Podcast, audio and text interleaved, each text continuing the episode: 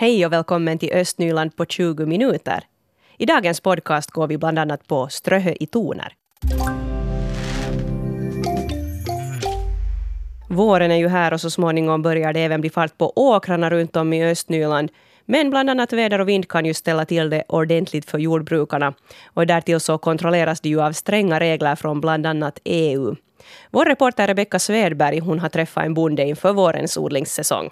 Jag har nu tagit mig ut hit till Mörskom för att träffa bonden Jesse Mårtensson.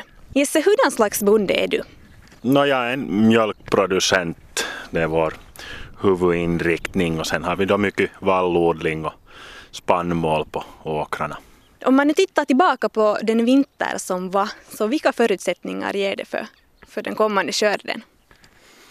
Vintern så där över, överhuvudtaget så ser det ut att, att det har övervintrat bra höstsed och, och vallarna ser ganska bra ut också. Och sen har det varit lite, lite tjäle som kanske bearbetar den där leran så att den är enklare sen i vårbruket. Vad har ni på gång just nu? Nu har vi sorterat all spannmål och sen gör vi nu ännu de här sista finslipningarna i odlingsplanering men jag har nog faktiskt lite gödsla vallen redan för vallen är otroligt tidigt att börja växa på våren så man måste vara ute i god tid. Vi står nu här på en åker. Berätta lite, vad är det här för en åker? Då? Det här är en tredje årets vallåker som, som vi då tar tre skördar, skördar av genom växtperioden. Som man ser så är den lite, lite så här grå men, men det är på grund av att det växte nu in på hösten. Hösten sent men härifrån ska vi ta en 11 000 torrsubstanskilon skörd i sommar. Det kan till och med bli tidigast i slutet av maj som man tar första skördet. Och sen, sen går det tripp, trapp, trull, trull genom sommaren till hösten. Förra sommaren det var hett och det var torrt och det var jobbigt för många bönder. Hurdan sommar hoppas du på nu?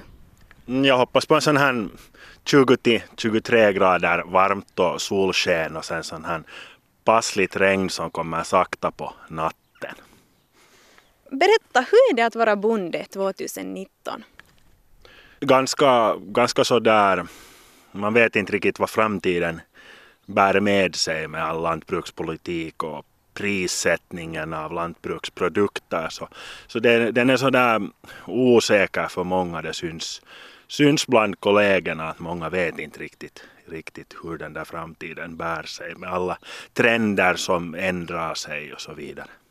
Om du blickar framåt tio år, tror du att du ännu sysslar med samma sak då? visserligen, vi, vi har nog alltid haft ganska hård sån här framtidstro och försöker hela tiden förbättra, förbättra djurhälsa och, och få så mycket skörd från åkrarna som möjligt som är en miljögärning. Det har varit mycket tal om klimat nu. Visst, eh, visserligen det tänks hela tiden mera, mera och mera på, på den här hur jordbrukets klimatpåverkan som, som kanske, kanske i den dagliga eller den nationella diskussionen så lyfts lantbruket ofta som en större miljö, miljöbov än vad den är. Men, men vårt eget mejeri som vi tillhör, Valjo till exempel, har ju börjat nu, nu ta på allvar det här, det här med klimatpåverkan. Det görs nog en hel del i, på gårdarna, rådgivningen, mejerier och, och slakterier, liksom att alla försöker vara med på den där notan. Finns det något konkret som, som du skulle kunna berätta som ni gör för att vara mer klimatsmarta? No, ta så, ha så bra vallar som möjligt och, och ta skörd från de här åkrarna och, och bruka dem så att de går till nästa generation i bättre skick. Men, men den här vallodlingen är ju nog en, en, en sorts klimatpåverkan på dem. De senaste forskningarna jag har sett så binder man man en hel del kol med, med året, året runt växttäcke och vallodling. Också höstsed och sånt här klimatåtgärder. Och det berättar här Jesse Mårtensson som är bonde i Mörskom. Trots den här osäkra framtiden så ser han alltså positivt framåt i alla fall och hoppas på en sommar med bra väder för alla jordbrukare. Och Rebecka Svedberg var alltså på besök där. Ja, Ströhöjtoner ordnades för sista gången i Strömborgska skolans gamla byggnad i centrala Borgå igår. Och salen den var fylld till sista plats och stämningen var på topp. Vår reporter Helena von Alftan var där publiken börjar redan samlas så här så småningom för Ströhö i toner. Eh, Nicolina Blomander, 16 år. Eh, vad kommer du att sjunga här ikväll? Eh, jag kommer att sjunga en låt tillsammans med en av mina bästa coverin. Eh, Hon heter Malin Tillander och vi kommer att sjunga en låt som heter Always Remember Us This Way av Lady Gaga. Aha, är du ett eh, fan av Lady Gaga? No, det kan man nog säga. Jag sjöng en av hennes tidigare låtar förra året också. Så det här är inte första gången i Ströhö i toner. Eh, är det spännande att stå på scen? Alltid är det ju spännande men att jag har så bra kompisar så att känslan att stå på scen är inte så nervös när man har så bra grupp. Ja, Nicolina, skulle du kunna säga vad eh, Ströhö i toner innebär för skolan? För skolan? No, det är en möjlighet för eleverna att uppträda och visa vad de liksom kan inom musiken. Och för lärarna så är det att liksom, de får se just att eleverna kan inom musiken. Att, att synd är det ju att liksom, det inte finns något liknande inom konst. Ah, va, är, är musik ditt främsta intresse eller finns det andra intressen du också har Nicolina? No, ja, musik är nog främst mitt liksom, så här, nummer ett intresse. Ah, kommer man höra mer av det i framtiden också? No, antagligen. Jag får till Boggy efter det här så att antagligen på Boggy show sen någon gång. Eh, det säger Nicolina Blomander. Linus Grönros, 15 år, går också på nionde klassen. Eh, vad kommer man att höra av dig här ikväll på Ströhöjtoner? Ja, jag är med i och spelar instrument och sjunger också. Um, jag spelar, spelar trummor och gitarr och så här och så sjunger jag Wish You Were On It av Florida Georgia Line det är en sång som jag tycker om så jag valde att sjunga med den det här året. Det här är nu sista gången man kommer att ha Ströhöjtoner i, i den här salen. Uh, hur, hur, känns det Linus Grönros då att det, det, ni blir den sista som, som får stå på den här scenen? Jo, lite synd är det nog att liksom att, att, att inte få komma tillbaka hit och se sen, sen när andra har. Men alltså nu är det ju lite speciellt att liksom få att få uppleva det som sista. Att det är ju lite extra nu det här året på det sättet.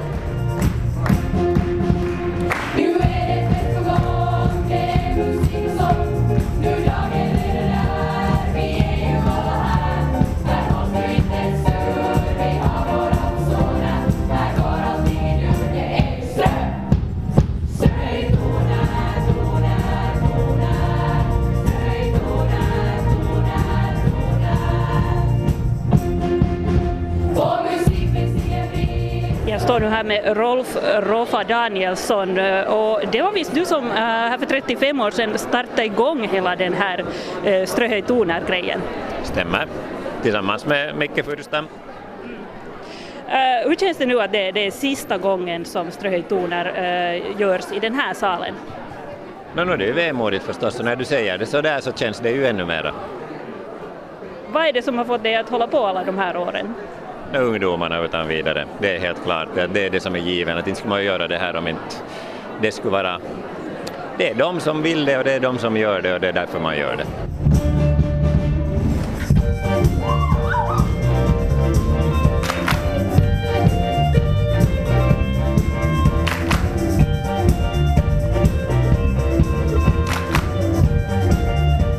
De väljer ut sina låtar själva. Jag tycker att det är ganska gärna att de har valt tre stycken ABBA-låtar bland annat och så är en Metallica-låt. det här att klassikerna finns kvar, ja, det är kanske speciellt för i år. Ja, hur har det här musiken och stilen ändrat sig under alla de här åren? No, nu har det ju följt det som har spelats liksom på listorna plus att ibland har det varit mera sån här heavy rock'n'roll som det var, vad ska jag säga, slutet på 80-talet, början av 90-talet ännu. Sen föll heavyn bort. Det är länge sedan det har varit någon heavy. Ibland har det varit någon rap och hiphop, det var det då också på 90-talet men det är jättelänge sedan nu. Och danser har det varit, men det har det inte varit nu heller på länge. Men Rolf Danielsson, hur tror du att, att Ströhöjtonen fortsätter sen när ni, ni eh, fortsätter då i ett nytt skolhus och det blir en enhetsskola med årskurs 1 till 9? Säg det intressant fråga. För det första om det blir ett Ströhöjtornar som fortsätter där så är jag ganska säker på att det fortsätter i högstadiets regi. För det är redan så stort att vi kan liksom inte börja plocka något mer hit. Konstatera att här är 12 nummer plus den där första och sista låten och det är alldeles tillräckligt långt. Vi har ibland haft 23 och det är mördande. Så det är, det är lite som Eurovisionen, att det blir väldigt, väldigt långt. Ja. Tack uh, Rolf Danielsson. Jag har också med mig Mattias Oljemark. Uh, jag förstod så att du jobbar nu för tiden i skolan i Sibbo men ändå är du här i Borgå på Strömborgska skolan när det är ströhöjtoner. Ja, det stämmer bra det. Ja, vad är det som är så roligt med att jobba med ströhöjtoner? Ja, att se helt enkelt hur glada, entusiastiska de här ungdomarna är, att de vill göra det på egen tid. Jag har någon sagt att när vi håller på från, många gånger från tre på eftermiddagen till nio på kvällen, och att de brinner för det. Verkligen att de vill vara med, de orkar, man pushar på varandra och allt det här. Det är ett sånt teamwork som är bara roligt att vara med i det.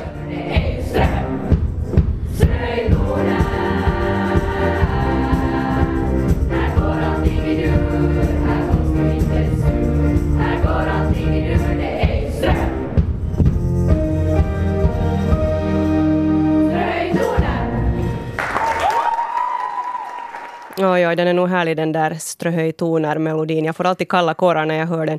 Skickliga elever igen med en gång på ströhöjtoner. Och vi hörde här musikläraren Rolf Danielsson i det här inslaget. Vi hörde också Mattias Oljemark som tidigare har jobbat som musiklärare vid Ströhö och nu jobbar i Sibbo men ändå återvänder varje år till Ströhö i. Och så hörde vi också eleverna Nicolina Blomander och Linus Grönros. Och det var Helena von Aftan som var reporter. Vi har en webbartikel också om ströhöjtoner som ni hittar på svenska.yle.fi östnyland.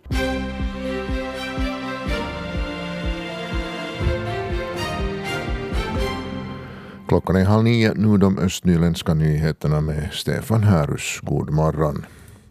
Förberedelserna inför bildandet av Lappträsk kommuns och Mehiläinens samriskföretag Samrisk-företag går framåt. Samrisk-företaget ska producera äldrevårdstjänster och likaså ansvara för bland annat boendetjänster, hemvård och rehabilitering. Däremot skulle beviljandet av tjänster och beslut om klientavgifter fortfarande fattas av Lappträsk kommun. Kommunen ska också bygga en flygel till Onnikoti för att ersätta Talmogårdens lokaler som tas ur bruk nästa år. Ärendet kommer att behandlas av kommunstyrelsen i Lappträsk om drygt två veckor och av fullmäktige den 9 maj. Cirka 2000 kilogram fisk av olika slag var stöldgodset i en kupp mot ett lager i Lovisa hamn för drygt två år sedan. De två männen kom över bland annat ål, lax och sik till ett värde av 17 000 euro. Efter stölden råkade sig inte bättre än att mannen och hans medhjälpare kanade av vägen med paketbilen på Mäntsälävägen och åkte fast. Åklagaren kräver nu ett sex månader långt villkorligt fängelsestraff samt att den åtalade betalar värdet av stöldgodset till företaget. Grundtrygghetsnämnden i Lovisa har uttryckt sin oro över säkerheten då det gäller den doseringstjänst av mediciner som används i Lovisa stad. Det är särskilt situationer där man ändrat medicinering för klienter inom hemvården som har väckt oro. Doseringstjänsten som Lovisa stad använder har nu undersökts. Felprocenten är försvinnande liten, bara 0,003 procent, vilket är att jämföra med felprocenten vid manuell dosering. Då ligger det mellan 1 och 20 procent. Vid hemvården i Lovisa har man varit nöjd med doseringstjänsten. Den upplevs som trygg och säker och underlättar hemvårdarnas arbetsbörda. Igår kväll vid 18-tiden utbröt en brand vid kafferosteriet i Gamla stan i Borgå invid Mannahemgatans bro. Orsaken till branden var att eh, skräp hade antänts i rosterimaskinens frånluftskanal. Räddningsverket lyckades snabbt få branden under kontroll och de materiella skadorna blev små. Ingen perso inga personskador uppstod heller i branden. Det ska bli fredagskaffe idag tillsammans med Kristel Liljeström, motorcyklist från Sibbo. Det får vi väl kalla dig nu när solen skiner? Det får den gärna göra, men de facto så kom jag med bil idag och dessutom en bil vars akku var tom i morse så jag har liksom fått lite anstränga mig för att komma hit i morse men ja. det gick bra i solskenet. Och Klaus hade då sån här lite flygande start. Du kom just instudsande här till studion. Klaus Suhonen, god morgon. God morgon, morgonen har börjat fartfullt kan man säga. ja, du, du pratar i telefon här för fullt. Jag tänkte att ska du alls vara med nu i det här programmet, men nu hann du. Jag slutade två sekunder efter att du var live, så jag tyckte ja, det var nästan bra timing. Det, det, var riktigt bra timing, ja. Men det är bra vet du, när du är här med radiofolk så vi är inte så där lätt nervösa här. Vi är vana med det här sekundspelet. Hörni, vad har ni funderat på? den här veckan. Vi börjar med det, för vi hinner aldrig med egna tankar. Kristel? jag har naturligtvis tänkt på valet. Lite politiker finns det fortfarande i mig och jag har också följt med nu på på det, på det eh, fältet så att säga i östra Nyland lite. Jag har varit med och delat ut flyers och, och försökt prata med folk och folk är väldigt positivt inställda, visar en stor aktivitet. Och det visar sig nog också med de här förhandsröstningarna eh, att, att eh, andelen människor som har förhandsröstat är väldigt många. Och på ett vis gläder det mig, för det borde visa att folk vet vad de vill rösta för när de går och förhandsröstar. Och, och med de här procenterna som liksom går, går närmare 40 procent så betyder det att, att över hälften av de som överhuvudtaget kommer att rösta har redan avgett sin röst. Och ändå, när jag också igår stod ute utanför butikerna så alltså är folk väldigt vänliga. De tar emot broschyrer, de samtalar gärna. Och när jag pratar med min närmaste krets, lite utvidgad närmaste krets från familjen så är väldigt många fortfarande och funderar på vem ska de rösta på. De har liksom mm. inte hittat sin kandidat. Och det här står ju lite i kontrast med varandra. Att så stor andel har förhandsröstat och sen en omgivning omkring en inte vet vem de ska rösta på. Så jag har funderat på det här och kommit fram till att de här ordförandedebatterna har ju nog varit väldigt råddiga. Den var igår i, i tvn var ju bottendålig. Man snabblar över, över varandra och ropar. Och, och de som ska leda debatten kanske var värst. Men det där, så det måste ju ge väljarna en lite sån osäker inställning till hur man ska gå vidare. Men oberoende vilken smak det blev igår från den här debatten så hoppas jag innerligen att den där andra 40 procenten går och röstar i söndag. Mm. Hur är det med dig Klaus? Är du en sån som brukar rösta på valdagen eller förhandsröstar du? Det är oftast nog valdagen. Ja. Och det där, jag vet inte, det känns bara så att man, man, det blir alltid i sista minuten men det blir nog alltid gjort. Ja att jag har inte hunnit tänka på det så mycket. Jag vet nog vem jag röstar på. Jag har just öppnat restaurang den här veckan och vi har hållit på att jobba som galningar. Så jag har inte liksom, jag har följt med några radiodebatter och sånt där. Och det, har varit, det är ju jätteintressant tycker jag, skojigt. Men att det där, uh, jag har inte hunnit så mycket nu liksom följa med annat än att jag vet nu vem jag röstar på. Då. Nåja, men det är ju huvudsaken ja. så, så då är det inte så stor skillnad du har missat lite här under veckan. Men vad har du funderat på Klaus som har östnyländsk anknytning den här veckan? du har inte funderat på något, du har bara fixat i restaurangen? Jag har inte funderat på så hemskt mycket, faktiskt mera på egen gård. Och dottern vill nu redan att vid lekstugan, att kan, jag har vid något skede nämnt att ja, vi kan bygga ett egen, en egen gård på vår gård åt hennes lekstuga. Så vi ska göra lite egen, liksom, en litet staket och lite blomrabatter och kanske någon liten odling. Och det är inte fråga om hemskt många kvadrat, men det har jag. Så nu är hon redan att kan vi nu göra det, kan vi nu börja? Så det är lite kallt ännu, så vi måste ja. lugna oss. Ni är lite så här som de här koloniträdgårdsentusiasterna. ja, det blir en liten koloniträdgård i vår trädgård, absolut. Då hör jag ju att du har påskhelgen liksom räddar. För det första har de ju lovat fint väder till nästa vecka och även du måste väl ta lite påskledigt. Ja, vi har fullt med påskdekorationer hemma som vår dotter har det där gjort varje dag nu. Så det är stora förväntningar på påsken. Ja, men det är rätt det. Hörrni, den här veckan har vi i Nyhetsväg talat om den här Eklövska skolan i Tolkis i Borgå som kanske nu då inte blir färdig enligt tidtabellen. Vad väcker det för tankar, Klaus? No det, att det, det visar sig, tycker mer och mer att baracker är ett jättefunkande system. Ingen har någonsin klagat över att det finns mögel i barackerna och de funkar alltid. Så att liksom, borde vi fundera om hur våra skolor ser ut. kanske vi alla skolor normalt går i baracken och sen om det är riktigt god tur och det är helt mögelfritt någonstans så kanske man kan vara en vårtermin eller någonstans inne i skolan som en lyxgrej. ja, precis. Ja, det har blivit så faktiskt att barackerna har ju fått ett alldeles för dåligt rykte. Ja. Vi kallar vår till paviljong och den har väl varit där redan 13, 14, 15 år snart och det fungerar hur bra som helst. Ja. Men när allvarligt talat så när vi bygger skolor så nu är det så att vi ska gå tillbaka till det gamla, gamla sättet att bygga luftiga. Det ska dra lite från fönstren och golven och väggarna ska, taken ska, inte taken, men golven och väggarna ska vara av trä och det ska vara liksom den här rent material och inte så mycket plast och olika limmärken hit och dit. Att jag tror att vi får liksom ta två steg tillbaka från det här så kallade teknologiska byggnadssättet som vi har tagit till oss i Finland. Mm.